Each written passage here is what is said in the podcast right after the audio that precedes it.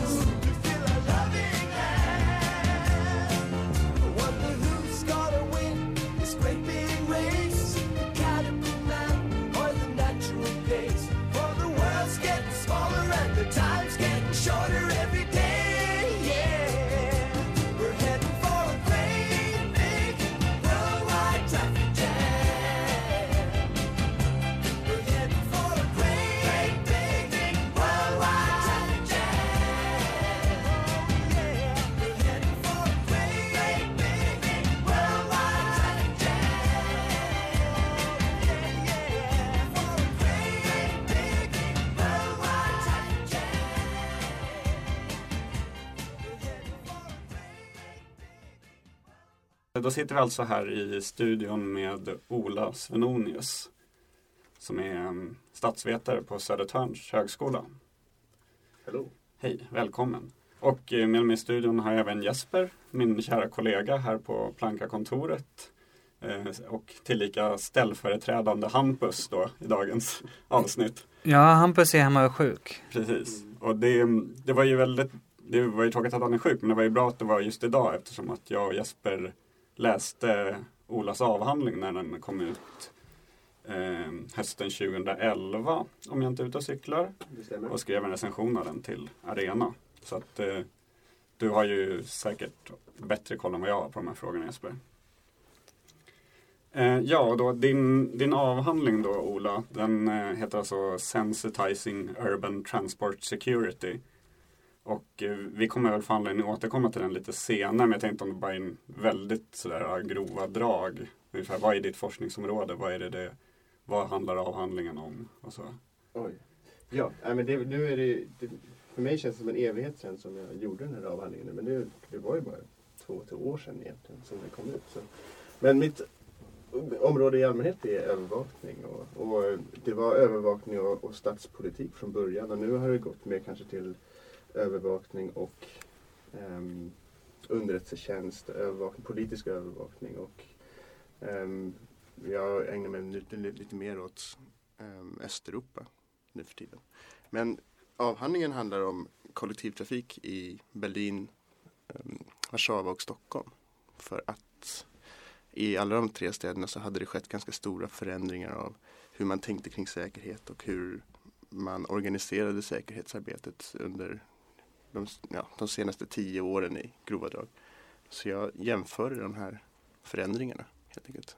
Och det är det som avhandlingen handlar om. Det kommer ut lite olika saker där. Det är alltså från, från slutet av 90-talet ungefär, och tio år Ja. framåt. Va? Ja, precis. Yes. Och nu, men du, du fortsätter, du är inne på samma spår så att säga i din forskningen du håller på med nu eller? Ja, alltså det som händer när man har skrivit klart en sån här grej så blir man ganska trött på det som man har hållit på med. Man, man blir väldigt, väldigt trött på det faktiskt.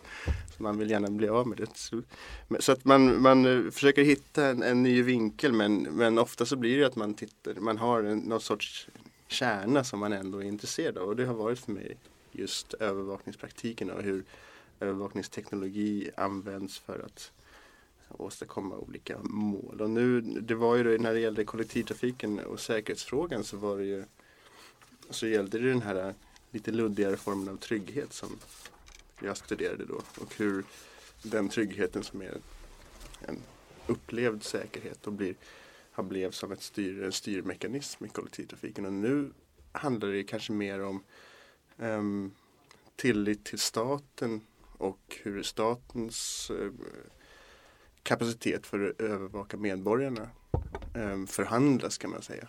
Och det där var något som jag var inne på ganska tidigt under avhandlingsarbetet också men som jag la åt sidan. Så, och nu applicerar vi det på Östeuropa så det blir väldigt intressant i och med att det kommunistiska förflutna där. Så det blir väldigt kul att titta på dem. En annan liksom del av världen eller Europa i det här fallet. Mm. Ehm, Väldigt annorlunda syn på staten eller så kanske ibland. Ja, alltså både och. Liksom. Man tror kanske, eller jag tror, min, eh, vad ska vi säga, min västliga disposition ger mig vid handen att, eh, att alla i, i eh, forna kommunistiska stater ska vara helt anti-stat och, och supernyliberala. Nej men så är det inte. Men, men jag tänker att de ska, vi, vi trodde, förväntade oss liksom en ganska stark förakt mot staten och det finns oftast, men det finns också den här förväntan på att staten ska lösa problem. Precis som vi ser i Sverige så, förvä- så förväntar sig folk att staten ska liksom ta hand om mycket saker. Den förväntan, den paternalist, paternalistiska staten, liksom, den, finns, den kulturen finns också kvar. Um, till exempel i Polen där vi har, där vi har gjort, forskat lite.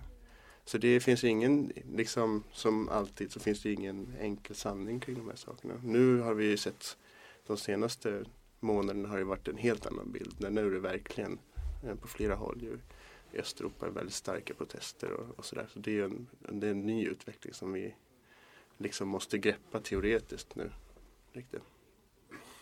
Ja, för det tänker jag att det är verkligen en, en skillnad om man ser under, under den gångna vintern så har det ju Dels har det varit väldigt mycket proteströrelser och eh, länder som är i uppror. Det har också klubbats väldigt mycket olika repressiva lagpaket inom olika EU-länder som Mm. känns som att de har varit så pass liksom vansinniga att man nästan är förvånad att det bara går att göra sånt här i EU. Eh, Trots att jag inte har någon särskilt positiv bild av EU så blir man nästan chockerad. Det är ju ganska annorlunda mot den bilden i varje fall du tecknar av Stockholm tänker jag och hur liksom trygghetsbegreppet har fungerat i kollektivtrafiken Mm. här. För det har ju inte varit en sån skarp situation överhuvudtaget. Eller vad man ska säga. Alltså, Nej. De, om man tänker på till exempel de, eh, det man i, i Spanien då, de här uh, lagpaketen som infördes där i slutet på december tror jag det var med så här, skyhöga böter för att typ twittra i grupp eller elda en flagga eller demonstrera utanför parlamentet. Ja. De, de bygger ändå på någon slags, eh, på något sätt legitim rädsla måste man väl säga, från de styrande kring vad folket gör. För att det, faktiskt, det har ju varit så otroligt mycket protester och demonstrationer i, i Spanien. Ja, precis. Medan det här då i, i tunnelbanan i Sverige känns ju väldigt Det är lite svårare att greppa Ja, alltså det var om man tar bara liksom hur, de bevekelsegrunder som fanns för, att- för att göra de här förändringarna så var ju de olika. Det, var, alltså det var, fanns organisatoriska anledningar som är liksom en sak. Men om man tänker på de rena säkerhetshoten eller upplevda säkerhetshoten så om man tar först Berlin och Warszawa så var ju där, alltså i Warszawa på 90-talet var det nog, fanns det nog ganska grova säkerhetsproblem som, som vi i Stockholm inte har kan riktigt relatera till kanske på samma sätt som andra, i andra länder. Men, men, eh, och i Berlin så finns det nu också, alltså det finns en lite annan social dynamik där. Alltså Stockholm har ju varit en väldigt, väldigt trygg stad och en säker stad alltid. Sen så att det finns bråk, det finns det ju överallt. Liksom. Ehm, de här systemen sattes igång egentligen för att man började det var, man började mäta, intressera sig för hur folk upplevde situationen istället för att intressera sig för olyckorna. Det var ju liksom det första. Och det där kommer för å ena sidan från facket så vitt jag förstår det. Alltså facket hade en, en eh, de ville skydda förarna så det kom ju sådana kontantstopp och så. så där, där, där kontantstoppet och skyddsstoppet som kom i början på 2000-talet, det skyndade på saker lite. Ehm, medans de organisatoriska förändringarna och person, personer som flyttade plats i organisationer som hade vissa um, åsikter om hur trygghet och säkerhet skulle uppnås. Det, det hade ju föregått där så det arbetet var ju redan igång. Det började ju liksom att slutet av 90-talet, det började på 2000-talet. Så där, och det har nog den här, det har vi nog den här, vad ska vi säga, broken windows mm. tänkandet att tacka tror jag. Det är nog en diskurs kan man säga som eller en, en norm om hur säkerhet ska uppnås som, som spred sig då. Jag tänker på en skillnad mellan eh, hur den diskursen som du målar upp i den här avhandlingen ser ut. Eh, där liksom det asociala beteendet eh, är det som misstänkliggörs och det som man letar efter i, mm. i de här övervakningspraktikerna. Och de, den övervakning som liksom har kommit i skuggan av de här sociala upproren, dels i arabvärlden men också som Alex nämnde i Spanien och i Hamburg och i England och så vidare. Där letar man ju nästan mer efter sociala beteenden. Alltså där handlar det om typ folk som samlas i grupp. Mm. Eh, folk som gör saker tillsammans. Än, än just, där har det blivit misstänkliggjort istället för asociala beteenden. Just det, precis. Det är rakt mot. Men där kan man ju tänka lite på vad det är som man vill upp... Alltså, om man säger de här ASPO-grejen eller för, förskärpningen av, av, skärpningen av lagen i England. Den kommer ju mer kanske åt det här asociala som man vill åt. Den, så det, men om man tar de, de här den spanska och den tyska situationen. Där, där handlar det som, man kan, som jag ser det om att man vill hindra eller man vill liksom kväsa en politisk subjektivitet som håller på att formeras. Eller ett annat sätt att att artikulera politik. Så.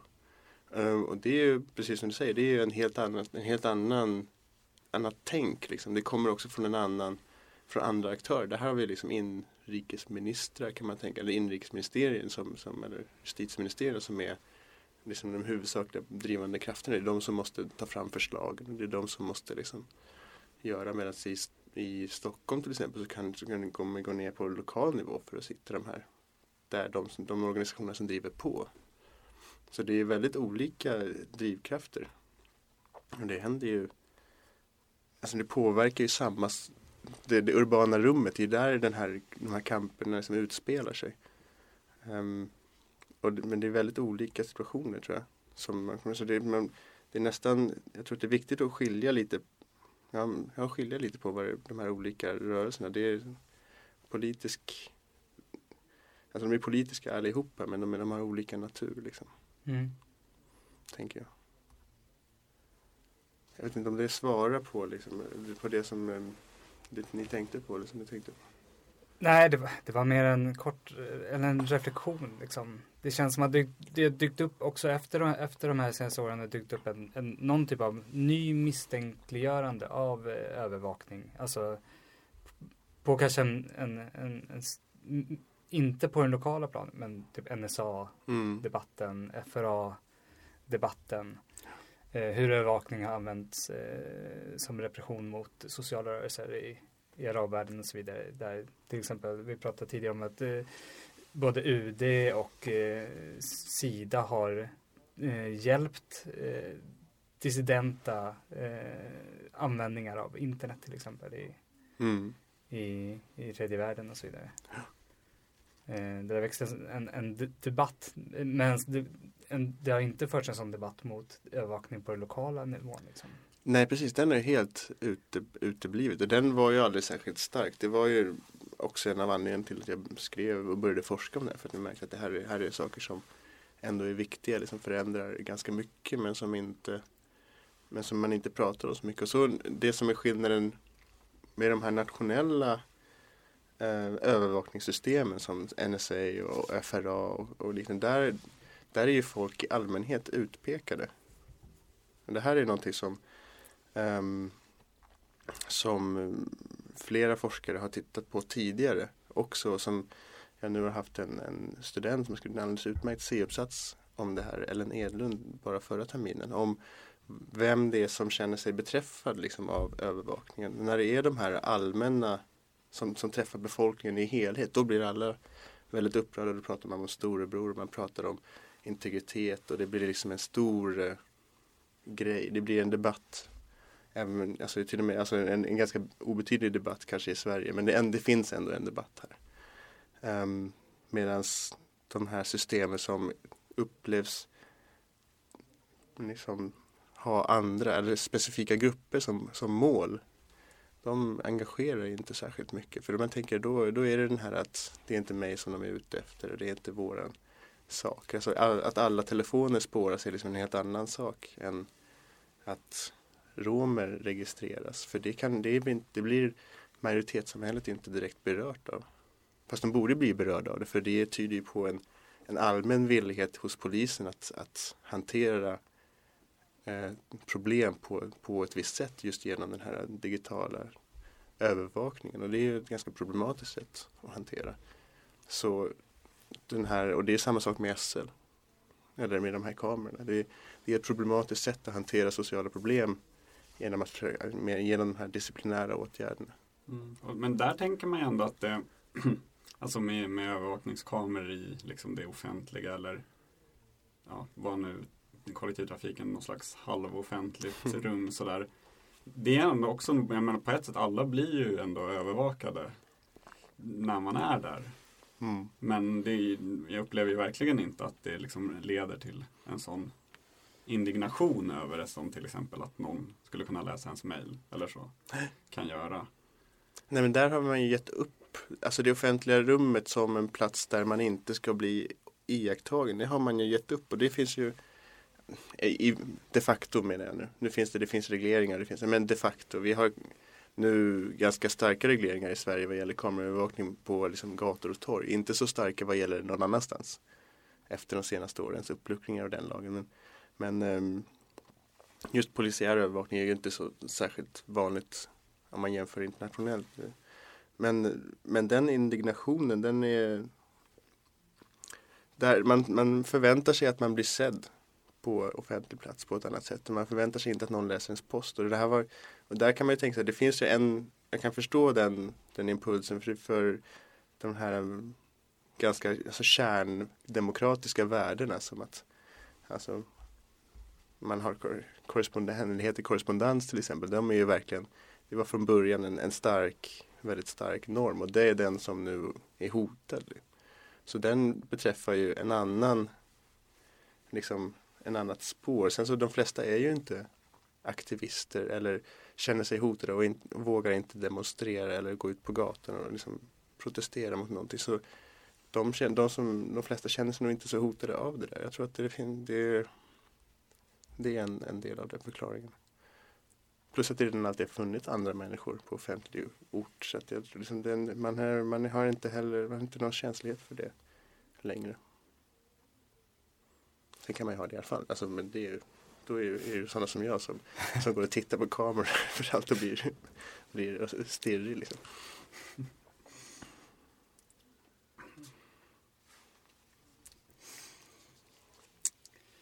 Mm, ska vi se, vart var jag här? Men jag tänker på om, om man ska försöka prata lite mer om just den här, det känns som att det, det går någon slags eh, våg av liksom och det är klart att den, en våg av repressiva åtgärder över Europa sådär. Mm. Och den, den, som såklart hänger ihop då med eh, det är mycket nedskärningar och som austerity-politik. Och det var väl som någon eh, uttryckte det i en Guardian-krönika som jag läste angående det här då att man ville utveckla Antisocial Behavior Act i England till att den skulle omfatta typ allting.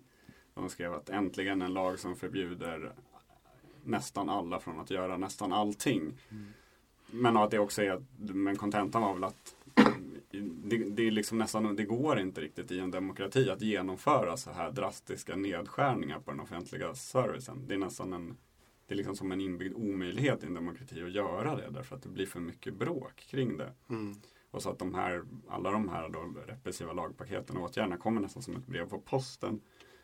Och det, det senaste exemplet kanske, eller som du nämnde också precis innan vi började spela in, då i Ukraina. Som där jag, Ja, det har pågått väldigt mycket saker ja de senaste veckorna. Alltså det här med alla de protester som har varit i Europa, om man tar bara det senaste året.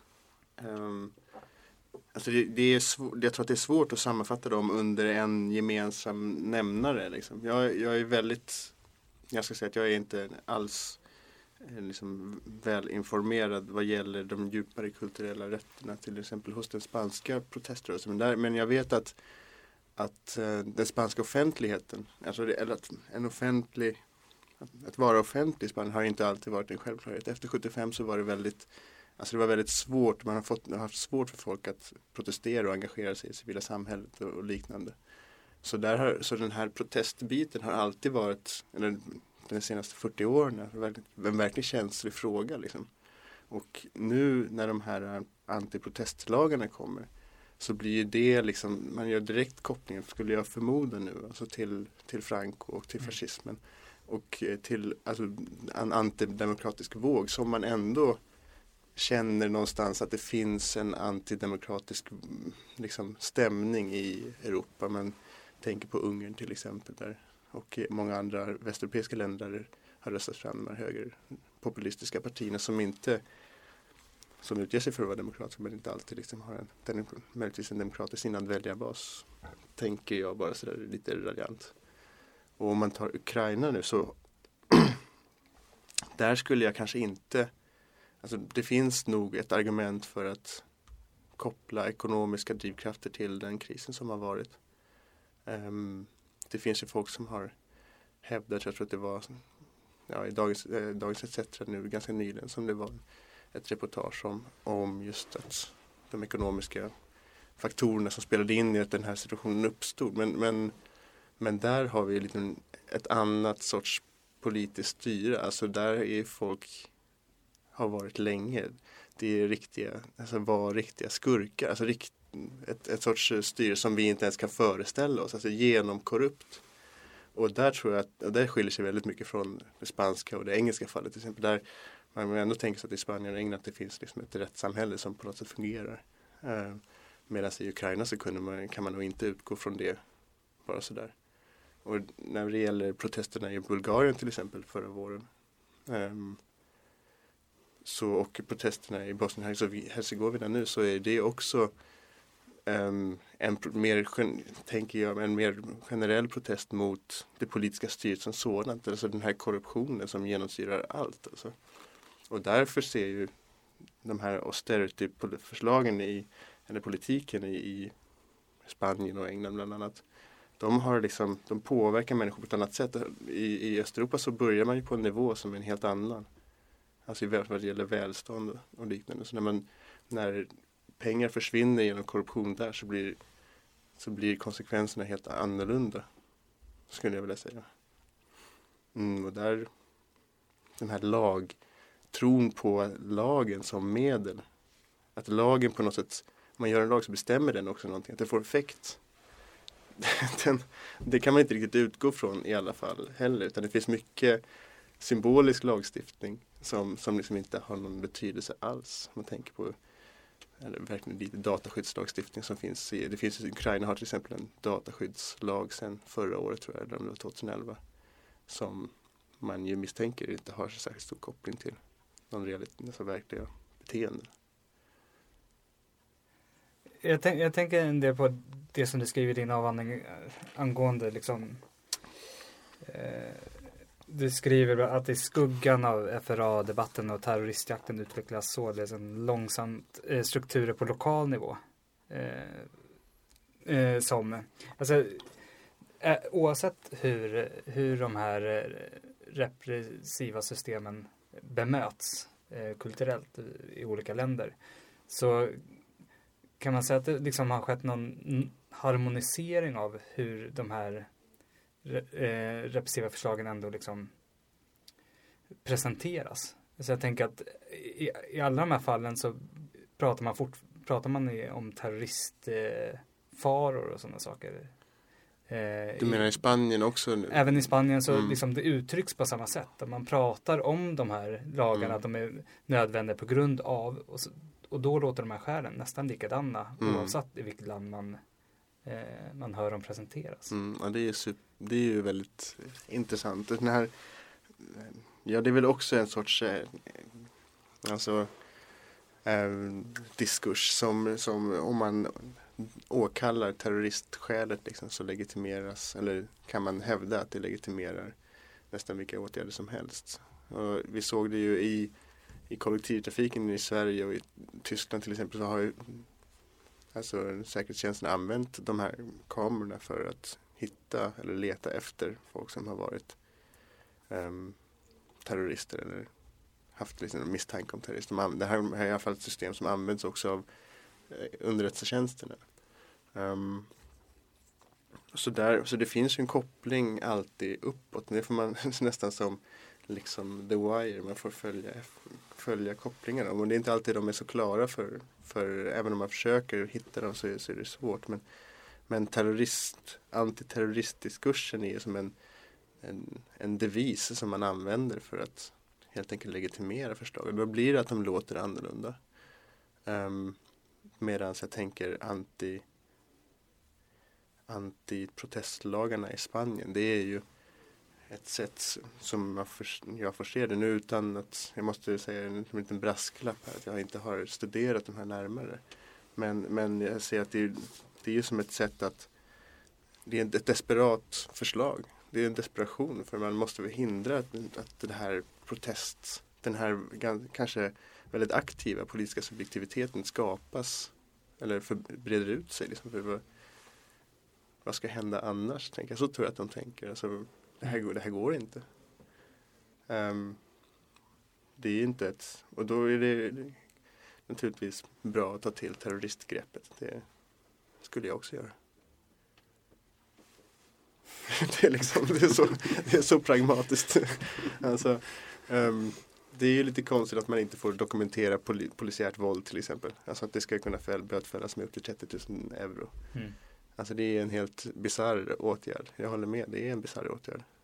Jag tänker för um, någon som um, är aktivist så skulle man skulle gå, det skulle liksom bli omöjligt att det skulle vara väldigt, väldigt svårt att, att eh, fortsätta vara aktivist helt enkelt. För att det där är en så pass stor, de här demokratiska reglerna är så pass stor säkerhet mot just polisiärt våld och övergrepp och sådär.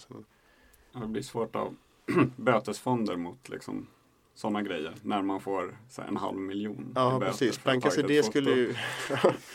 nu är det 3000 demonstranter som får... ja. Det blir lite, det springer iväg liksom. ja. Men ni kanske har kontakt med, med organisationer i Spanien. Hur säger, pratar de då? Jag måste erkänna att jag, jag har ganska dålig koll på, på, på just Spanien faktiskt. Jag vet Mm. faktiskt inte riktigt. Mer än att jag läst om just den här Mm. lagen och så, men jag, jag är osäker på exakt vad som har hänt efter. För nu är det ändå så två månader senare. Ja. Eh, Alltså det som min, min känsla härifrån när man läser aktivistrapporter från, från olika länder är ju att de här lagarna trots allt inte har fått så stor effekt som Okej. man kanske trodde att det skulle vara. Det är, svårt, det är givetvis svårt att säga så snabbt efter och se. Men, Mm. Men det, har, det är inte så att det har slut, proteströrelsen har slutat finnas helt i de här länderna.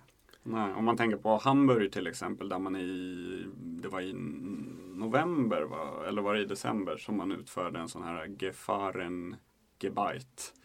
Gebit. Gebit. Ja. Eh, en, fa, en farozon, nej, det är bra. Min tyska är obefintlig. Eh, det stora delar av stan helt enkelt eh, som man utfärdade undantagstillstånd på obestämd tid i.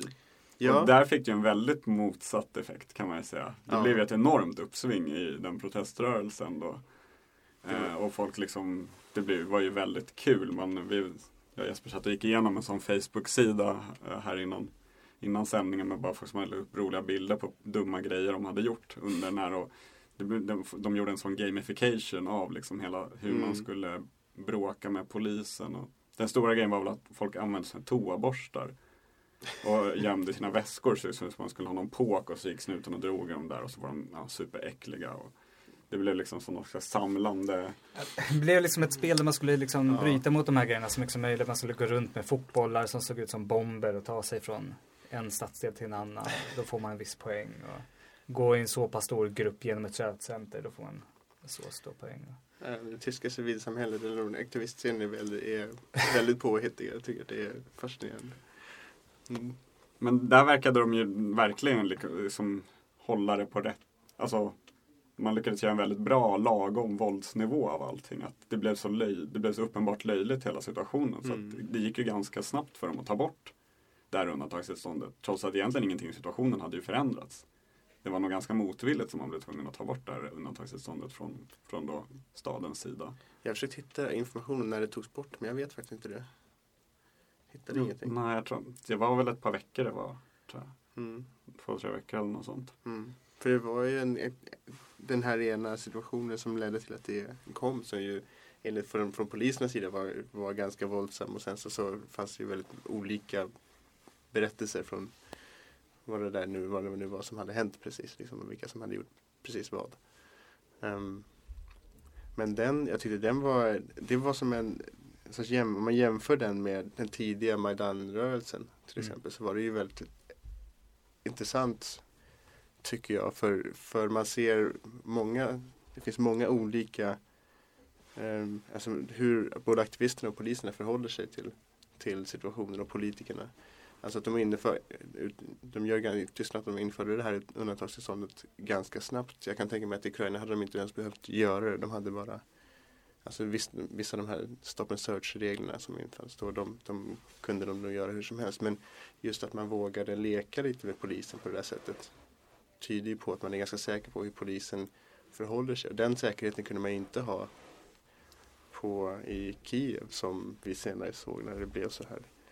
Och hur, hur Janukovic förhöll sig i de här lagarna som infördes i, i januari. Det var ju som en sorts det sporrade ju protest på samma sätt som det sporrade protest i Hamburg när det infördes en mer, mer repression så, så, så skapar man ju den här, alltså man skapar grogrunden för en till, en annan sån här politisk subjekt att uppstå liksom. Mm. Ja, och Ja, så den tappade symbiosen jag känns som man hittar på väldigt många ställen. Även eh, tänker på studentprotesterna i Quebec och så här. Mm. Att där var det också, när repressionen kom så nästan gödde den istället Mm. Eh, proteströrelsen bland studenterna än, Mm. än tvärtom. Ja precis, och det var ju som man trodde nästan i, i Majdan innan de här lagarna kom. Så det här kommer dö ut, liksom. det kommer inte bli någonting av, av det. Och nu kommer, nu är det fullt med, med folk som börjar skandera högerpopulistiska slagord och så kommer det bara liksom inte bli någonting alls. Men ja, så den där, absolut så verkar det ha varit. Nu ska man inte prata så mycket om man inte har varit på plats just om Majdan för det finns så himla mycket detaljer och, och aspekter av det här som, som som man borde veta om. Och jag har inte hunnit sätta mig in i allting än. Men så att med också en till sån här brasklapp alltså som är vad gäller det här. Men förhållandet till polisen är ju ett, ett helt annat såklart. Alltså om man jämför eh, nu både Ukraina och, och Bulgarien och Bosnien-Hercegovina. Det är helt andra normer som gäller. Man, man kan inte alls säga att den här tilliten till att systemet på något sätt ändå är till för, för människorna finns. Som gör nog, alltså i Tyskland, även hur, så det finns det många som är otroligt kritiska mot hur polisen agerar. Särskilt, till exempel i den här NSU-affären och, och fler så är ändå den grundläggande hållningen till samhället är ju inte negativ. Man är skeptisk till staten men inte liksom den, man föraktar den inte i grunden på det sättet som man gör i, i Ukraina nu till exempel. Ja, det är ju faktiskt en väldigt, jag har inte riktigt tänkt på den aspekten tidigare, men det är ju väldigt intressant just att alltså se hur, hur saker utvecklar sig beroende på den grejen. Om man ändå på något sätt att man kan spela ut kortet att någon har gjort fel och då legitimera det man själv gör på grund av att Mm. nu har liksom polisen gjort fel. Och då finns det på något sätt också en, en allmän opinion eller vad man ska säga om vad som är rätt i det fallet. Att ja. men så här ska inte polisen få göra. Så då, måste, då är det ändå rimligt att det blir konsekvenser för dem också. Mm. Men jag tänker, kan man liksom se några, om vi nu om man konstaterar att det liksom den här det har skett en utveckling i väldigt många olika länder på något sätt kring det här med säkerhet och trygghet och hur man arbetar och det är väldigt mycket fokus på det och på sistone har varit väldigt mycket repressiva saker. Alltså finns det, är det stora skillnader mellan hur, hur, hur liksom man från staten och även från, det är väl mycket olika i olika delar men om det är mycket privata företag som är inblandade i säkerhetsarbetet och sånt. Eh, alltså hur det bedrivs och vad man, vad man tänker kring det och så. Jag tror att på när det gäller just lokaltrafiken och sådär, det som jag studerade under avhandlingsarbetet så tror jag där tror jag att det är ganska, så blir mer och mer strömlinjeformat. Jag tror inte att det finns Alltså nu, det, det, har att göra med massa saker såklart. Varav en av de stora faktorerna är finansiella medel. Hur, vilken sorts finansieringsmodell som finns och hur mycket pengar som finns till förfogande helt enkelt. I Stockholm hade de löjligt mycket pengar till förfogande. För att vi är ett, ett rikt land och Stockholm är en rik stad. Um, men, men när man tänker så i europeisk och jag tror egentligen också i, i global skala om man tänker utvecklade länder eller, eller städer som är hög med, med liksom en välutbyggd kollektivtrafik och så, så, särskilt när det gäller tunnelbana, så finns det nog ganska Alltså det finns en ganska stark rörelse som går åt samma håll. Tänker jag. Sen så gör man olika saker av dem. Men det är ganska, ganska likt. Man har, alltså just till exempel kameraövervakning som medel är ju väldigt, alltså det är ju, vad ska man säga, det finns väl ingen, ingen stad med välutvecklat tunnelbanenät som inte har kameraövervakning. Jag kan inte tänka mig att det gör det. Och hur man arbetar med säkerhet i, i tunnlar till exempel så är ju kameror säkert också ett bra sätt att ha det här. Och nu har jag sett att jag läste en artikel i, i Surveillance and Society som är en, en open access tidskrift om övervakning. De i, jag tror att det var i Singapore, så har de kameror som med sådana smarta kameror som ska känna igen om, om personalen ler tillräckligt mycket. Mm. Helt För de tänker sig att om, man, om personalen ler mot, mot passagerarna så så smittar den här, det är den här tanken om, om affekt. Alltså känslor smittar av sig, de existerar inte hos en människa utan de existerar liksom mellan kropparna. Så att om jag ler så, så smittar det av sig som en gäspning ungefär. Och om det då smittar av sig på passagerarna så, så sprids det här liksom i systemet. Så desto leendet blir, liksom, då blir alla gladare så blir det bättre. Och då måste man ha ett system för att både kontrollera säkerheten men också kontrollera att personalen ler. Det finns, det finns, två typer av leende system som utvecklas just nu. Det, ena är ett, ett sånt widespread system som ska kunna se många personer på en och samma yta om folk verkar glada eller inte. Mm. Där man använder för att kontrollera butikspersonal och så. Och så ja, det.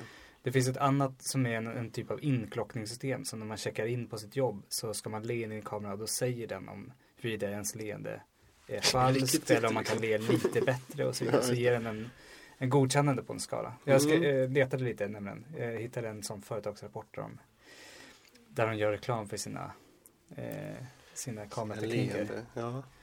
Vad bra. Ja. så att man är glad när man kommer till jobbet. Det skulle ja. jag också behöva. om man jobbar hemma, kan man få en kamera hemma då också? Det tror jag. Jag tror att mm. sånt här kan man nog använda i sitt eh, partnerförhållande också. Ja, just precis. Mm. Mm. Nej men de här leendekamerorna, jag tycker det är, en, det är en verkligen en intressant sak. Det har vi som tur var då kanske inte sett i, eller det kanske är synd att vi inte har sett den i Stockholm, men vi vet inte om dem i alla fall. Nej. Men, men att man har, att man har en, olika sorts, vad ska jag säga, smarta eller algoritmer som är kopplade till kamera, analys av kamerabilder till exempel. Det tror jag också är en sån sak som finns mer eller mindre överallt. Om det kan vara så enkla saker som SLs liksom larm där när någon går på spåren till exempel som, mm. som de ville ha. Och, och trängselskatten är ju Ja precis, känna igen bilnummerskyltar. Ja. Sådana saker är ju väldigt liksom Ja det, det, det är ganska naturligt att man, att man tar det, det steget. Och sen så, så är det ju väldigt stor skillnad vad gäller tillgång, alltså in och utpassering som vi ser här i Stockholm och England med de här glasdörrarna som jag, som jag vet att Planka har ju liksom varit väldigt engagerad i. Att vill, man vill ju att de ska försvinna. Mm. De motiveras ju också ofta med trygghet, alltså förutom då att det ska vara någon slags eh, intäktssäkring så är det ju trygghetsaspekten Mm. som är väldigt stark i, i motiveringen av varför Mm. man ska ha de här. Att det på något sätt ska hålla folk ute som det. inte är, Som inte kan betala. ja som inte, som man inte vill ha där. Helt enkelt. Det på något sätt ökar tryggheten. Ja. Ja, det där är... Man behöver helt enkelt hela tiden som myndighet så, så tror jag att man, man måste hela tiden försvara sina, sina åtgärder. Man ska ha en vision liksom av vad, vad myndigheten i allmänhet ska uppnå. Det ska finnas måldokument och, och det ska liksom, allt det här ska begrundas på olika sätt. Och det begrundas både mot, mot alltså vem, vem är det som är publiken för, för sådana här det här trygghetspratet till exempel, allmänheten? Det tror inte jag att det är. Det kan ju vara att det är andra politiker som bestämmer om finansiering eller att det är internt i organisationen som det här är viktigast. Ehm, det kan ju vara ganska olika publiker som, som ska, man ska komma åt med de här sakerna. SL hade ju ganska in, intensivt arbete med just kameraövervakningen gentemot busschaufförerna till exempel. Och jag vet i Tyskland har de också haft väldigt, väldigt mycket både problem, alltså de har, han, de har ju gjort, producerat liksom ideologi väldigt mycket för att kunna få igenom de här förändringarna. För busschaffisarna vände ju bort kamerorna och liksom typ satte tuggummi på dem och sådär. De trodde att de skulle bli kontrollerade.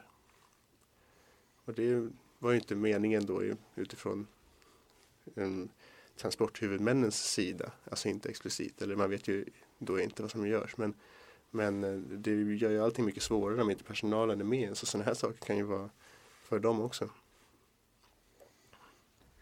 Ja, det är det här med liksom hur glidningen i användningsområden eh, för sådana olika system är ju verkligen en, en, en intressant fråga. Jag tänkte att vi skulle ta en, eh, en luftpaus och en musikpaus. Ja. Och så eh, snackar vi lite mer efter den. All right. Eh, ska vi se, jag ska bara få igång en låt. Somebody's watching me med Rockwell tar vi.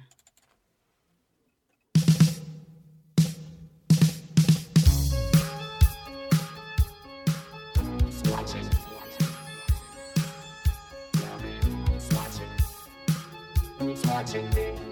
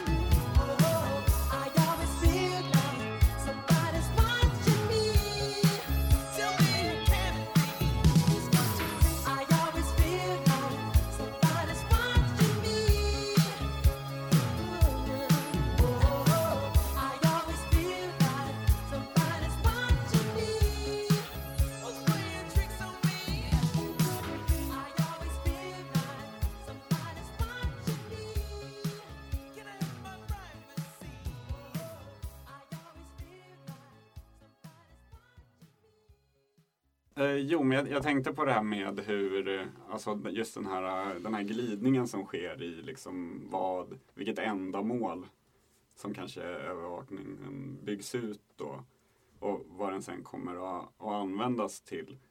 Jag tänker i, i Stockholm så blev det väl väldigt tydligt då i, med hela REVA-debatten som var för ungefär ett, ett och ett halvt år sedan. Hur liksom med allt det som SL har byggt upp i dels som någon form av trygghetsåtgärder och dels i jakten på plankningen att det blev väldigt tydligt att sen liksom polisen kunde bara koppla på sig på hela, hela det här systemet för att Mm. sen börja kolla efter folk som inte har papper. Mm. Alltså, polisen var ju, in, var ju på samma sätt som Säpo vill ha en direkt koppling till teleoperatörerna och deras användardata så var ju, har ju polisen från början tror jag haft en direkt koppling till SLs kameror, i alla fall de i tunnelbanan. Så de 4000, mm, mm, 4500 kameror som finns i tunnelbanan har ju SL en direktlänk till, eller till, till polisen, till deras bildanalysenhet. Så där har det ju funnits liksom en, inte en live-koppling då, men det har ju funnits, de har ju haft en väldigt, en väldigt nära samarbete i det här. Så den kopplingen, den fanns redan. Och precis som du säger, så de kunde ju skifta in liksom en ny policy på det och använda sig av den här, det, den tekniken. Jag, um, ehm, det är ju kanske svårt att veta i vilken mån, man ska inte dra för snabba slutsatser heller. Jag vet inte i vilken mån nu polisen använder till exempel övervakningsutrustningen för att hitta folk som såg liksom utländska ut i deras, eller ut som potentiella papperslösa liksom, eller vad det nu var de letade efter.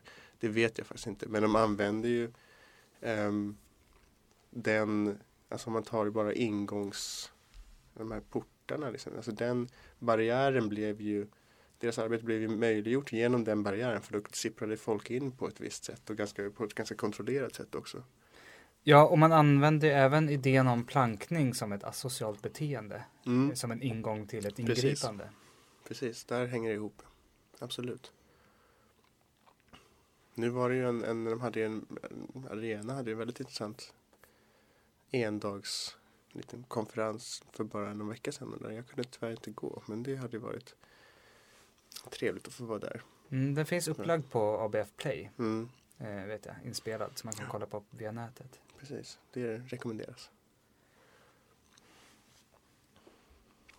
Men om man tänker ändamålsglidning så, så Alltså teknik är ju alltid liksom obeslutsam, eller vad kan man säga? Tekniken i sig är inte obeslutsam, men, men man kan ju aldrig liksom veta innan. Så jag tycker det är ju en sak med, med till exempel Twitter som har som ju hände liksom under den arabiska våren som var väldigt, det har varit jätteviktigt också nu för, för den ukrainska både PR-maskineriet också och för aktivisterna. Liksom. Och eh, Facebook har ju sådana aspekter också samtidigt som ju intensivt polisarbete sker med hjälp av exakt samma medier. Um, och alltså ganska intensivt. Så att det, det är liksom den här hur tekniken används är ju, är ju ett så himla öppet spår liksom. Man kan inte, man kan inte säga vare sig det ena eller det andra. Jag är väldigt, var väldigt skeptisk till, till Twitter just för att det är så offentligt och ligger kvar. Och man kan liksom inte ta bort det som det är. Som jag sagt, det finns alltid kvar liksom, i, i princip.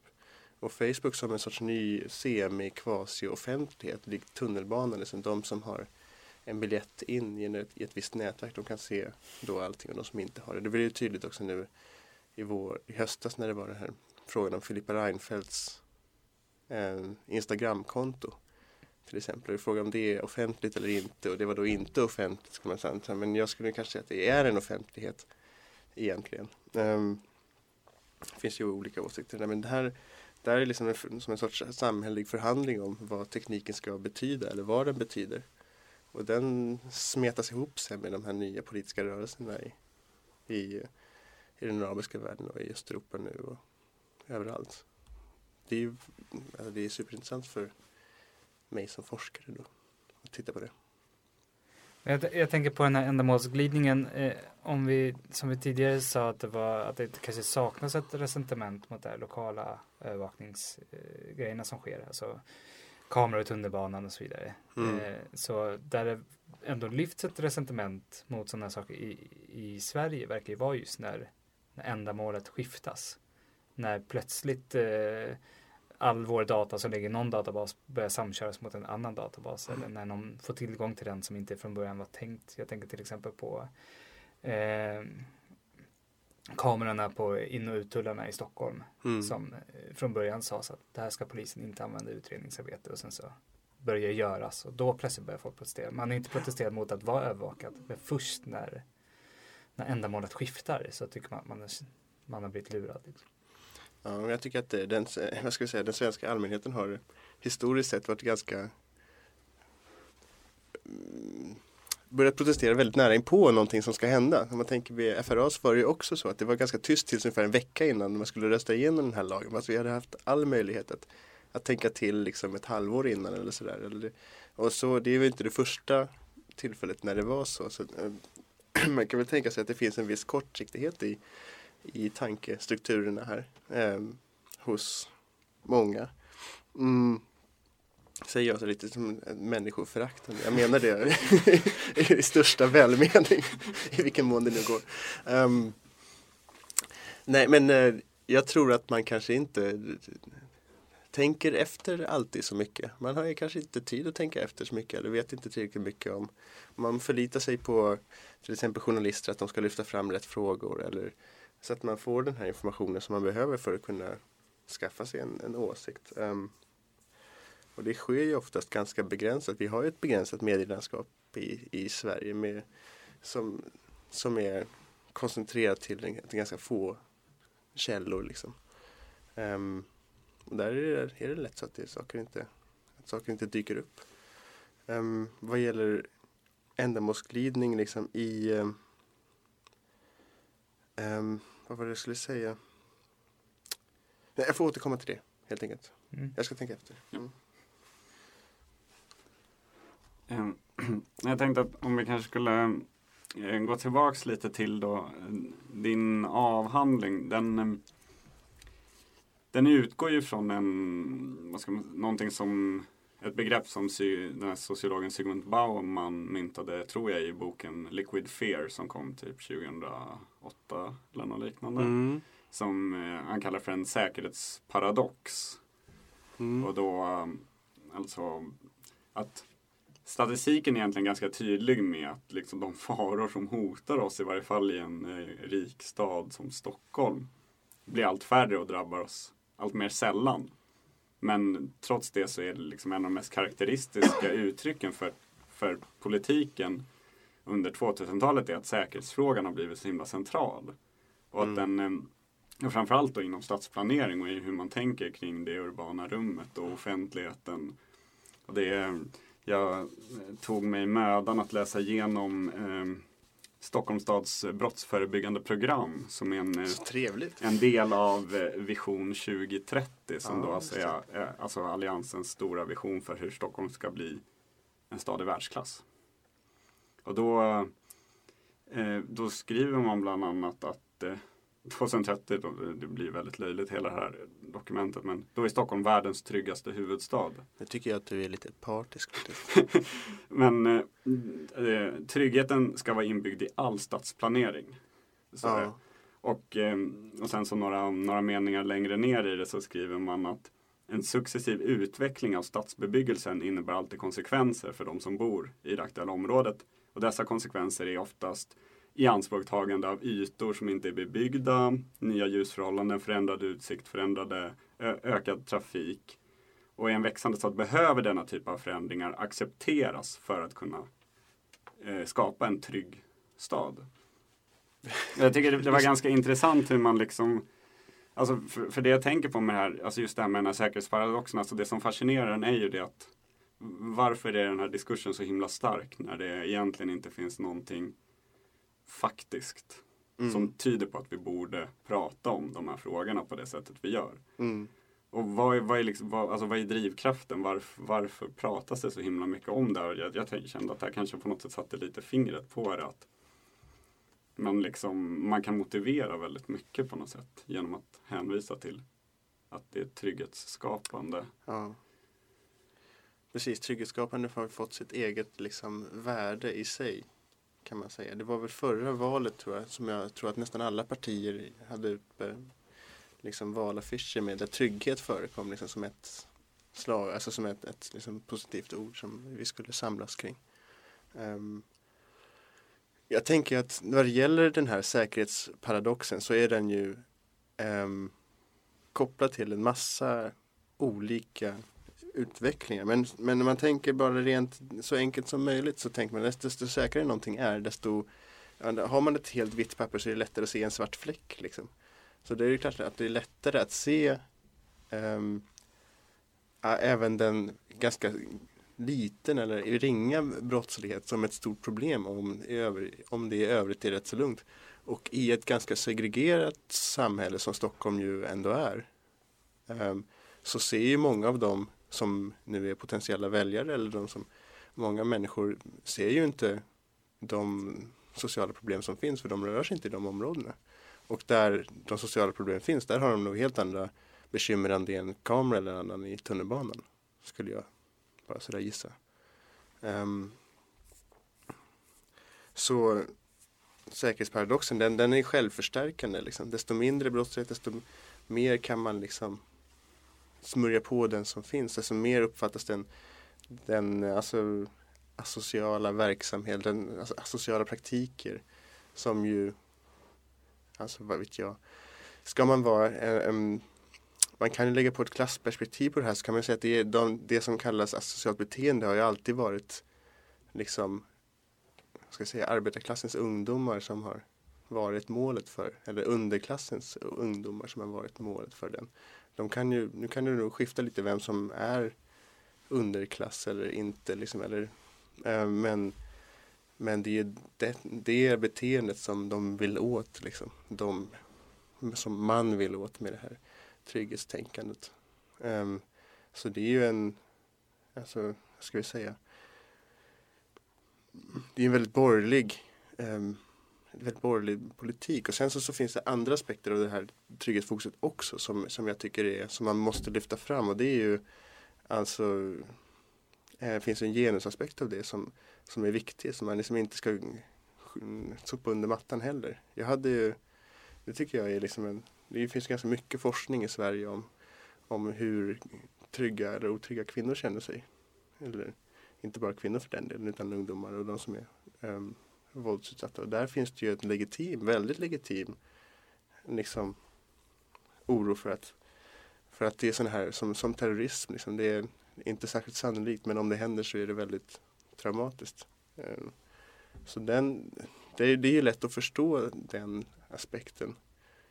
Ehm, och där, där kan man ju också förstå att den, är inbyggt, att den byggs in i, i planeringen. Man vill liksom få med alla. Så det, där, det, är, det är liksom en säkerhetsparadoxen ter sig som en paradox om man inte ser till till till exempel frågan om, om um, könsstrukturerat, eller kan jag säga könsstrukturerat, alltså våld som, som, eh, som eh, utövas på vissa grupper. Um, så, att, så det här, så den, den, där finns det liksom en, en tycker jag, en, en legitim kritik mot att hävda det här, den här äh, säkerhetsparadoxen. För det är inte så att det, att det inte finns någon, en patriarkal ordning i Sverige. Liksom det, det, den finns ju också. Och det finns eh, våld, och det är mycket våld som utövas mot kvinnor som vi vet. Och, och det kan man ju liksom, nu sker det, det mesta av det i hemmet. Men, men då kan man ju liksom, där finns det ju en sak som jag tror man måste kunna greppa i. Och det kan jag sympatisera med till exempel SL att de hade ju liksom en idé om, om kvinnlig osäkerhet eller osäkerhet hos äldre, hos ungdomar. Um, när det kanske inte är de som är mest våldsutsatta då, men, men det är en annan sak. Liksom.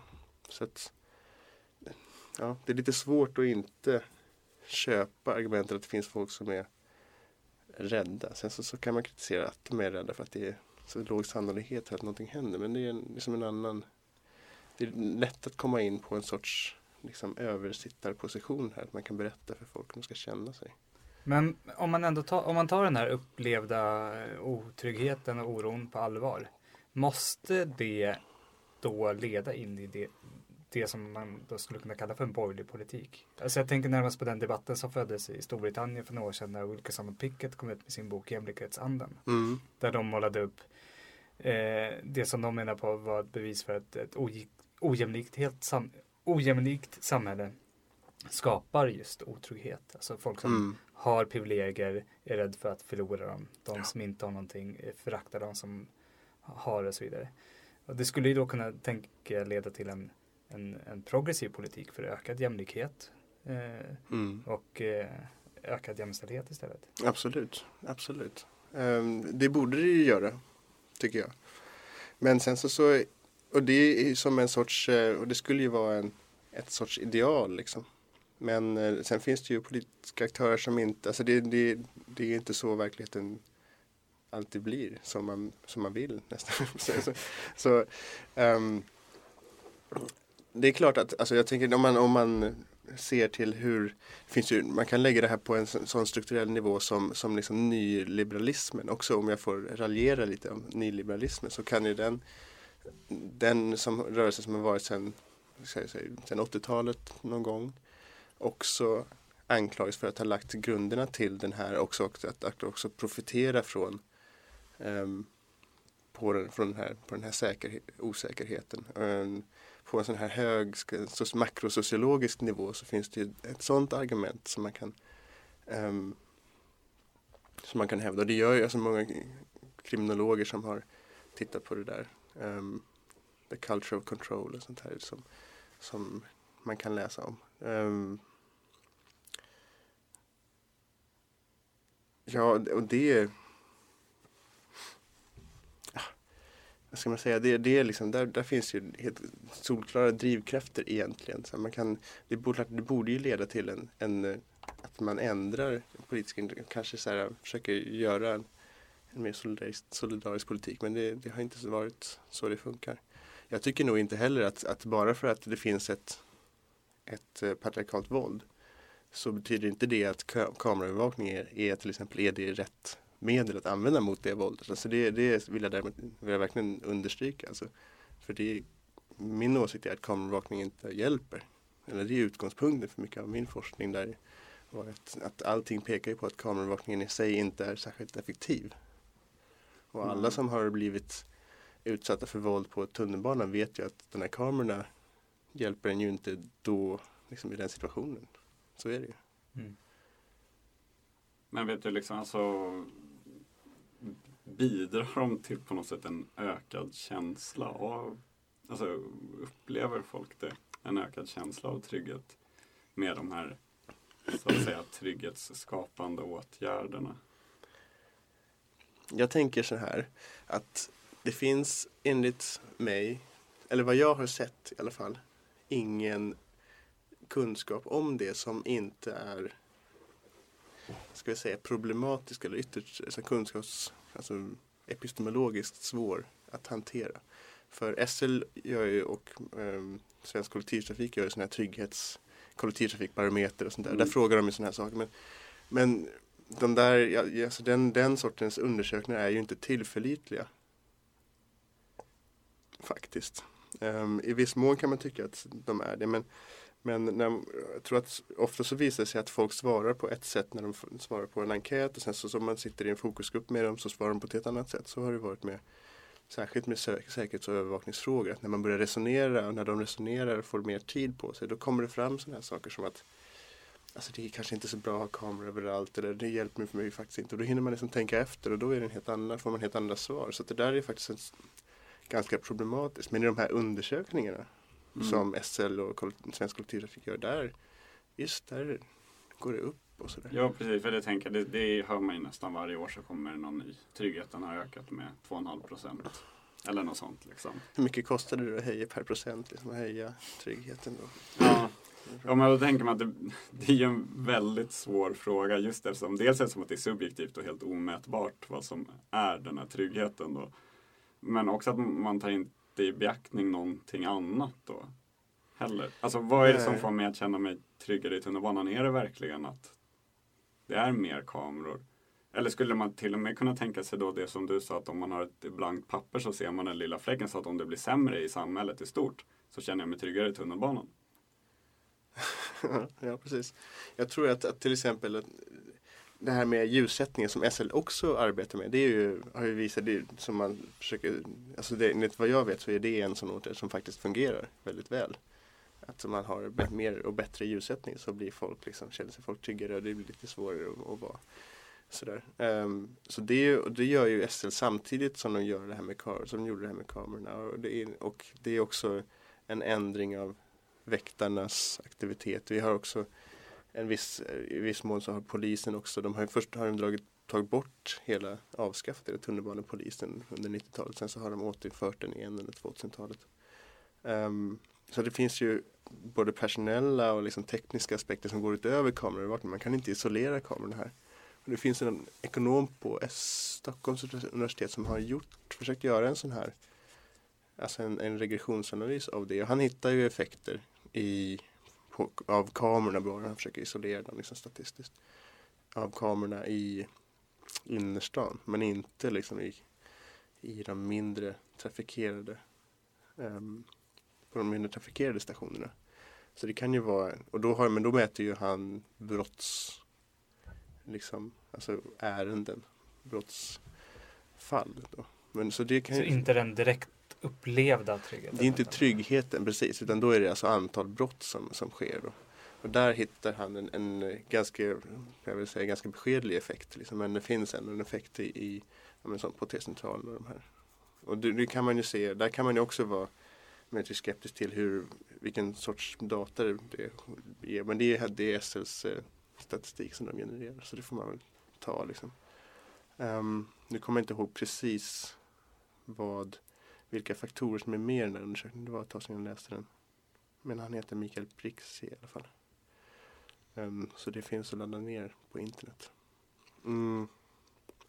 Så det, för någonstans så finns det en effekt. Man kan ju tänka sig att om alla lurar varandra så det är lite sådär som en Nietzscheansk tragedi nästan. Som att om alla liksom går med på lögnen eller så, så blir det ju bättre. så, så om, alltså jag har ju varit med av att haft problem i, i pendeltåg där jag arbetar i vid Södertörns högskola i Flemingsberg och så ibland när man arbetar med avhandling så åker man hem sent på kvällen och då har det, är det ibland lite fuffens som händer på pendeltåget. Det är ju vida känt att det kommer folk från, som åker pendeltåget och, och inte alltid har rent mjöl i påsen eller sådär. Um, och då har jag varit med om att de har berättat för mig att vi ska inte göra någonting med det nu för det finns ju kameror här. Då är det nästan som att man höjer fingret och vill bara berätta för dem att festen så behöver ni inte oroa er. Men det gjorde jag då inte. Men, men jag tänker att om, om liksom småskivarna köper storyn liksom, så, och, och passagerarna köper storyn och alla köper storyn då, då, sitter, då, liksom, då, då borde det ju rent teoretiskt sett funka om alla liksom är med på um, Oavsett om det nu funkar liksom på riktigt eller inte. Eller vad som är på riktigt. Ja, men vad som är på riktigt blir liksom helt irrelevant i relation till vad folk tänker om det verkliga. Men även, även där, även om det funkar eh, rent brottspreventivt så är det, fungerar det utifrån någon typ av eh, borgerlig idé om Alltså i verksamheten blir tryggare men har samhället i stort blivit tryggare? Alltså har brottet flyttat till en plats som inte är övervakat till exempel? Ja, det får man väl utgå ifrån. Alltså att det, alltså, så vet jag vet så har det inte kommit någon undersökning som har visat att, att eh, kameraövervakning på något sätt minskar brottsligheten. Det kan tränga bort den på ett eller annat sätt och det här är ju Brås rapporter visat ganska tydligt. Um, men att direkt minska, alltså då är det ju oftast inte riktigt särskilt, antingen inte särskilt stora eller inte statistiskt säkerställda effekter. Så att jag tror till exempel om man tar nu SL som har liksom en heltäckande övervakning av hela, hela eh, tunnelbanesystemet. Där är det inte orimligt att tro att ehm, vissa, vissa aktiviteter inte sker på samma sätt där. Men det betyder inte att de inte sker. Det är ju alltså människor som hanterar, handlar med droger till exempel skulle bli väldigt uppfinningsrika. De, Mm. Så de går säkert att göra det, hitta något annat sätt att göra det på. Det är inte så så att jag tror inte att, det, att man, man, man löser inga problem med det här. Det är inte heller meningen. Men då kan man föreställa sig att jag har blivit en tryggare SL-kund. Men sen när jag kliver av i Liljeholmen och går ut genom fruktparken så har jag blivit en otryggare park. Och det var ju den mekanismen som jag tog upp i avhandlingen också. För det var den mekanismen som var så intressant. För, för när man börjar införa den åtgärden någonstans så, så blir det liksom, det ger sig av sig själv. Att då börjar man tänka, nu har vi säkrat tunnelbanan, vad ska vi göra nu? Ja men då måste, nu är det Parkvägen. Mm. Och, och då börjar man arbeta med kommunerna om hur de ska utforma buskage till exempel, alltså sådana små saker som buskage. De, säger ju, sa ju SLs säkerhetschef till mig att människor som tycker om buskage, buskage är våldtäktsmän och landskapsarkitekter. Och så, och så ja, och så, det är liksom, det, det är rimligt utifrån, utifrån um, det uppdraget som man ser sig ha så är det en rimlig åtgärd att börja arbeta så här. Men det, betyder ju att SL får en helt annan roll som politisk aktör liksom, gentemot kommunerna. Det där är, det är ganska intressant aktivitet som de började ha där. Jag kan inte riktigt säga att jag tycker att det i sig är väldigt hemskt. Så där. Det är väl klart att det är bra om de fixar så att folk inte blir våldtagna i bussarna utanför Liljeholmen. Liksom. Eller, eller busskuren. Det, det skulle ju vara jättebra. Men vi kan ju liksom ändå problematisera den större, den större bilden och vi kan problematisera vissa aspekter av det här systemet. Och det är ju just övervakning, så den repressiva aspekten som med väktarna som, som klår upp hemlösa. Liksom det, Mm. Och det känns som att det också är en, det, det på något sätt en i grunden så himla pessimistisk syn på, på de här samhällsproblemen som ju faktiskt på många sätt såklart ex- existerar med våld på olika sätt. Att liksom det enda sättet att lösa det på är genom att göra allting till Mm. ett superövervakat ställe så att man bara puttar de här ah, problemen längre och längre bort ifrån liksom samhällets mittfåra. ja. Är liksom ut ur, ut ur en synvilla. Och där skulle ju mer en, en, en liksom den, den här jämlikhetsandan, idén med den är att vi skulle kunna undvika att våldet uppstår från början om vi, hade, om vi har ett mer jämlikt samhälle. Liksom. Då skulle vi inte behöva den här övervakningen för att det skulle liksom förhoppningsvis så skulle det då inte uppstå. Det där, och här tycker jag, här kan man ju Alltså det är ju många som, som vittnar om hur, hur det har blivit mycket otryggare i Sverige. Alltså då menar jag inte trygghet som våldsutsatt utan trygghet i de sociala systemen och, trygg, och att Ehm, skillnaderna mellan människor har växt, alltså inkomstskillnader har växt ganska rasant de senaste åren. Och det är ju en sån sak som, som förstärker sig själv och, och blir mer och mer våldsamt. Och det, det, det, blir en, en nedåtgående spiral som, som man ju tycker att det här är en, en solklar här kan vi skapa en politisk rörelse kring men det har inte riktigt skett kanske. Men ehm, övervakningen har ju, är ju på mottagarsidan av det här. Den här spiralen. Mm. Jag tänker om vi ska eh, kanske börja runda av lite så smått men med typ med två, två ganska öppna frågor. Och det ena kanske om man ska liksom sia lite Alltså sådär, vart är vi på väg någonstans egentligen med det här? Alltså hur, hur ser utvecklingen ut? Och, alltså, både den politiska utvecklingen men även den tekniska utvecklingen med olika övervakningssystem och hur de kan tänkas använda. Men även om man ska försöka vara lite positiva så finns det exempel på folk som har kunnat motarbeta sådana här repressiva åtgärder på något bra sätt. Och vad skulle man kunna tänka sig att man då som politisk aktivist eller så skulle kunna jobba med för att, Alltså för att jag ändra är på det? anhängare till Frankfurtskolan och djupt negativ och pessimistisk om allt. Alltså det finns inte någon väg ut. Nej- då. Eh, jag tycker att, alltså, om vi får återkomma till Tyskland så tycker jag att till exempel Chaos Computer Club, Club har varit liksom sådana människor som har verkligen eh, eh, arbetat med att utmana saker. Och Det är någon arbetat, slags hackerkollektiv? Ja, visst. Eller, ja. Visst. Ehm, och nu undrar om de inte, det finns ehm, jag tror att de kanske heter Digital Courage nu. För att det är Nej det var Fuebud, heter den Föbud, som hade döpt om sig till Digital Courage. De gör saker som jag tycker är, när det gäller övervakning, att, att liksom, både på informationssidan att man, att de har ehm, informationsmaterial som är väldigt bra. De går ju och tar de här ACTA-processerna, de tar sakerna till datalagringsdirektivet till konstitutionsdomstolen helt enkelt. Och det, alltså, och det går ju igenom. Så därför, där har de ju faktiskt i Tyskland lyckats stoppa datalagringsdirektivet. Och det var ju otroligt, alltså en sån rörelse som de har i Tyskland, det kan vi ju avundas här i Sverige. För vi har ju inte riktigt den här ehm, den här uppslutningen kring det här temat. Och de, de har demonstrationer som är um, varje år som um, också finns i Europa. Frihet och inte rädsla. Um, där det liksom är hur mycket folk som helst som kommer dit och, och liksom engagerar sig.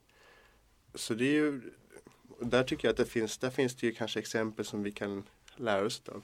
De är också ganska mycket sådana do it yourself eh, motståndsteknologier med till exempel så har jag sett att man kan, jag har, jag har köpt själv faktiskt också, en sån här armband med en liten lysdiod som fungerar som en RFID-scannervarnare. Så, alltså lite sådana saker tycker jag, alltså om man får vara lite nördig så tycker jag att det, det är intressant. Vad gäller um, andra former av motstånd så tror jag, alltså nu när jag har varit och intervjuat människorättsaktivister i olika länder i Östeuropa så får jag mer och mer intrycket av att den här lärandeprocessen, det har varit som att västeuropeiska NGOs har kommit till Östeuropa och liksom lite lärt ut om det har varit ett, sådär, ett pedagogiskt förhållande där vi, där vi har lärt dem, liksom i citationstecken.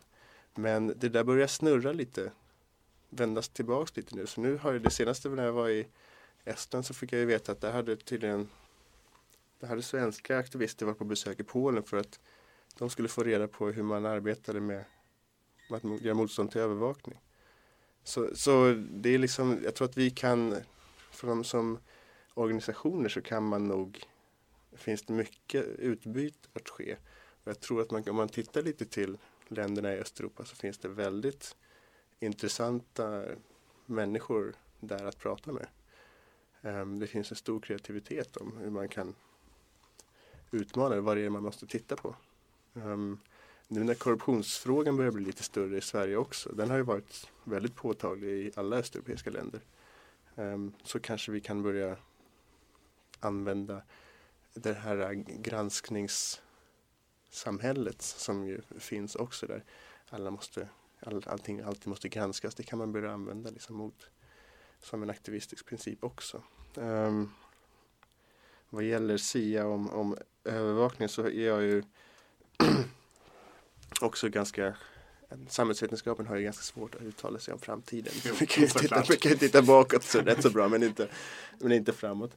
Vilket, ja, vem hade förutsett liksom förra veckans händelser i Ukraina? Alltså det, det var ju väldigt hemskt men också mot slutet ju har det där har det hänt någonting bra också. Så det, det är, går ju inte. Men, men eh, det är svårt att se att det här skulle ta slut. Utan snarare så ser man ju att det blir mer, alltså om man tänker på vad, vad EU, vilka forskningsprojekt som EU finansierar så finansierar de ju i och för sig nu också en hel del projekt som har, vad ska vi säga, en mer kritisk agenda gentemot övervakning. Men, också, men det är ju en minoritet i jämförelse med den, den forskning som sker för att liksom, göra bättre övervakning och mer och eh, crowd control på offentlig plats och sådär. Så där, det kommer vi nog bara det är nog inte någon rörelse som har avstannat i och med liksom NSA-skandalen. Den kanske fått sig en liten törn och så går det vidare. Um, möjligtvis att människor kan, eller några människor i alla fall kan börja använda lite mer krypteringsteknologi efter NSA-skandalen. Jag vet inte. Det skulle vara någonting. Ja, där, på ett sätt är det ju lättare när det kommer till datorer och svårare. Att man, det ändå går att göra sådana saker. Men man tänker sig liksom om man med typ avancerad mjukvara för att förutse beteenden i stora folkmängder utifrån kameraövervakning. Alltså Mm. hur, hur krypterar man sitt beteende i en folkmassa då? Liksom? Man måste, som, som i Lars Jakobssons eh, roman eh, Vännerna så får man lägga en sten, en stor sten i skon så man går på konstiga sätt så att de inte kan känna igen ens gång och så får man ha konstiga hattar på sig så att, så att, man inte, så att de inte kan känna igen en kanske.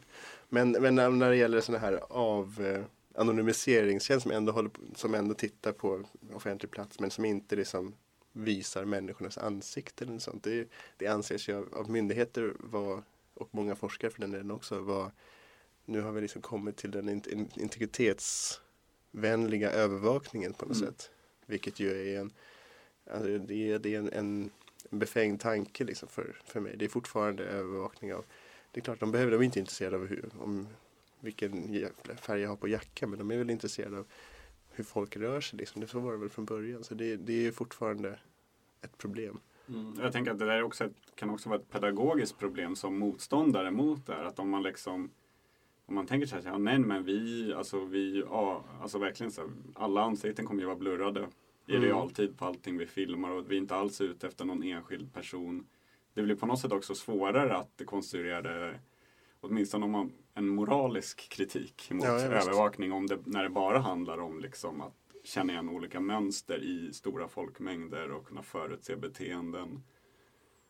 Man kan ju dra parallellen till Big Data också Mm. som är liksom den nya tidens analys. För där, där kan man ju säga också, också är svårt att förutse. Men där finns det också människor som, som tittar på det här och skriver om, om farorna med Big Data. Och det finns ju många möjligheter också såklart. Men, men, men där kan man ju faktiskt eh, se, det finns, det är ju inte helt solklart liksom att Big Data är någonting som alltid, alla så tycker är jättebra liksom, för oss människor. De är ju bra för, för beslutsfattare, det kan man förstå. Mm. Nej, Jag funderar också lite på liksom, alltså om man tänker, vad är det som, eh, som driver på? Alltså för på nätet så blir det ju väldigt tydligt att alltså det är en ganska stark växelverkan mellan då NSA eller FRA och eh, då Google och Facebook som Alltså man använder ju ganska liknande metoder för att Mm. förutse beteenden, göra profiler som är anonyma men utifrån hur du, hur du rör dig på nätet och vad du skriver och så. Men Google och Facebook gör det för att sälja annonser. mm. Och NSA och FRA har väl andra anledningar. Jag tänker att det, det där är någonting som kanske fortfarande är väldigt mycket Alltså det har inte kommit särskilt långt med privata aktörer som använder sig av övervakning i det offentliga rummet för att göra den här typen av alltså, riktad reklam och sådana saker. Utan det där Nej. kanske fortfarande är mer då staten så att säga som, som använder. Men, men det känns ju inte som att det, det känns ju inte som en konstig utveckling att tänka sig mera former av alltså, övervakning i det offentliga rummet på just det sättet. Att ja, nu går du förbi här, då ska ja, den här saken göra så här mot dig. Mm. Och eh, RFID-tekniken är en, en aspekt av det. Det är också den här near field sensory frågan som är i, olik, i mobilerna nu är också en, en teknik som kan användas för att känna av var man befinner sig liksom, i närheten av vilka saker. Så ja, visst, det är klart att det men det, går, det löper ju, där är ju gränssnittet lite otydligt för det är ju Mm. samtidigt en, någonting som, man, som, som bygger på en lokal input men där själva informationsutbytet sker på samma nivå som den här big data liksom, eller Google transaktionerna sker. De sker ju på nätet och liksom den här informationsflödet, var man är någonstans, vilken reklam som ska komma dit och sådär. Så om man tänker privata firmor eller vad ska vi säga, det offentliga rummet som liksom ett ställe där som det blir mer och mer kontroll. Så kan det ju nog tänkas bli. Vi har ju sett ganska mycket, alltså förut så fanns det ju inga portkoder liksom på, portkoder på, på husen. Man kunde gå in överallt. Så är det inte längre. Så, och det är ju ett ganska tydligt tecken. Alltså, bara det är ju någonting som man tänker så, alltså det är väl ingen viktig sak. Men, men det är, är ju en viktig sak. Mm. Det var inte så länge sedan som det var ett undantag att det fanns en portkod. Det fanns en liten knapp som man tryckte på så öppnades dörren. Jag förstår grejen med den där knappen. knapp. ja, det är som, varför ska man ha en knapp på? Jag vet inte. Men, men, men liksom och det finns ju nu, vi håller på att titta i vårt forskningsprojekt på det här med gated communities. Och där pratar man ofta om Polen som det stora exemplet där det finns flest gated communities. Men man har en ganska bred förståelse vad det där är. Ehm, Så flera områden i Sver- Sverige skulle ju räknas då som gated communities. Så där till exempel tänker jag nu på det där lilla området bakom skrapan som man kan, som med, med järngrinden som man kan Ja, stänga det. av. Det är ju som en sån här typisk sak. Om det växer fram fler och fler sådana områden då skulle det vara ganska betydelsefullt för stadsbilden tänker jag. Ja, och den bilden finns väl redan. Alltså jag tänker i den nyurbanismvågen som finns nu så pratar man ju mycket om Ja. den här eh, att man vill att stadsdelarna som växer upp ska bli så som de ser ut i Stockholm eller i Stockholms innerstad med eh, inramade innergårdar och så vidare. För Ja, att det ökar precis. en trygghet i närområdet. Så- Och det är ju jätteproblematiskt att, att det ska finnas, att, att offentlig, alltså att man ska, att då det som man ska vilja är att man ska vara på offentlig plats då är så här halvoffentligt och som, som man bara ska träffa de som man bor med. Mm. Och faktiskt de som man bor med hälsar inte heller på en. De är också rädda för en. Eller så. jag vet inte, nu är lite väl skeptisk kanske. men, men jag menar till och med ens grannar kan ju bli föremål för den här misstänksamheten. Nu så, det beror på lite om man bor i en, en väldigt trevlig bostadsrättsförening eller i ett sjaskigt miljonprogramshus, vem vet. Men, men, men eh, det tycker jag skulle vara en, en problematisk utveckling. Jag tycker också att ehm, hur polisen arbetare i staden är ju liksom en stor, alltså i, i Sverige är ju en stor fråga nu. Den måste, den måste på något sätt, polisorganisationen är jätte, har haft jättestora problem, alltså både med antalet brott och, men, hur, men, men vi ska inte glömma eh, protesterna som var i Sverige för ett, mindre än ett år sedan. Som var ju också, man kan ju analysera dem på olika sätt, men, men men vi man vet ju aldrig vad det var som föregick de här protesterna och man vet också vilken sorts kritik som kom fram mot polisen under det här. Och det där är ju någonting som är mm, Alltså där det offentliga rummet betyder väldigt, väldigt olika saker för olika människor. Beroende på vilken hudfärg man har till exempel. Så, så det är ju någonting som som ju, alltså där har vi, har vi, eller där har ju debatten i Sverige varit ganska tydlig. För att man vill inte, man vill inte se liksom, sig själv som ett, en del av ett sådant samhälle där, där sånt händer. Men, men det försiggår ju ändå och det fortsätts och det, det har inte något stort brott har ju inte skett, mig veterligen i alla fall. Så där ser jag kanske en, en stor en stor uppgift framför, framför oss och sen så ja, vad gäller REVA så det behöver vi inte ens prata om. Så. Nej. Men det är, ja. Mm. Ja, vi slutar där på en positiv Ja, not på- då, helt enkelt. Alltså, ja. Usch, jag gnäller. Jag sitter och gnäller på, på alla stackars SL. De, de försöker bara göra sitt jobb. Alltså. Ja. Det är väl, Jag ska det, inte det, gnälla, är jag väl det värsta man kan göra. Alla- Är inte, inte historien lärt oss att Ja. folk som bara försöker göra sitt jobb är de värsta. ja, precis. Eh, ja, tack så mycket Ola. Ja, tack själv, det var roligt. Tack.